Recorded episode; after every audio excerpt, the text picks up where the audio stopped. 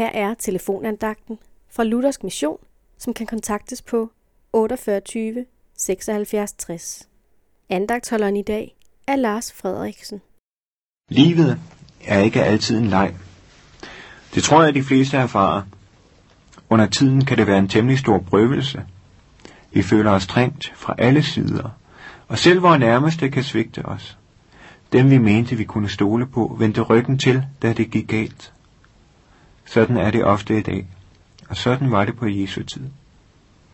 Men Gud har givet os et holdepunkt midt i stormen.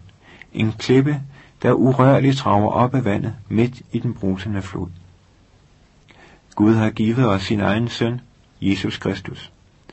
Om ham fortælles det i de første vers i Lukas evangelie kapitel 15. Alle tollere og syndere holdt sig nær til Jesus for at tøre ham, og farisæerne og de skriftkloge gav ondt af sig og sagde, Den mand tager imod syndere og spiser sammen med dem. I menneskers øjne var det ikke en særlig gloværdig stilling, Jesus indtog her på jorden. Men det var heller ikke det, der havde betydning for ham. Hans mål var ikke at være genstand for menneskers agtelse og beundring.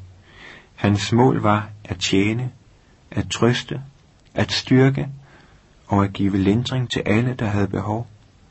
Hans mål var at tilgive og frelse de fortabte, og at give liv og håb til de ensomme og hjælpeløse. Det var hans mål dengang, og det er hans mål i dag.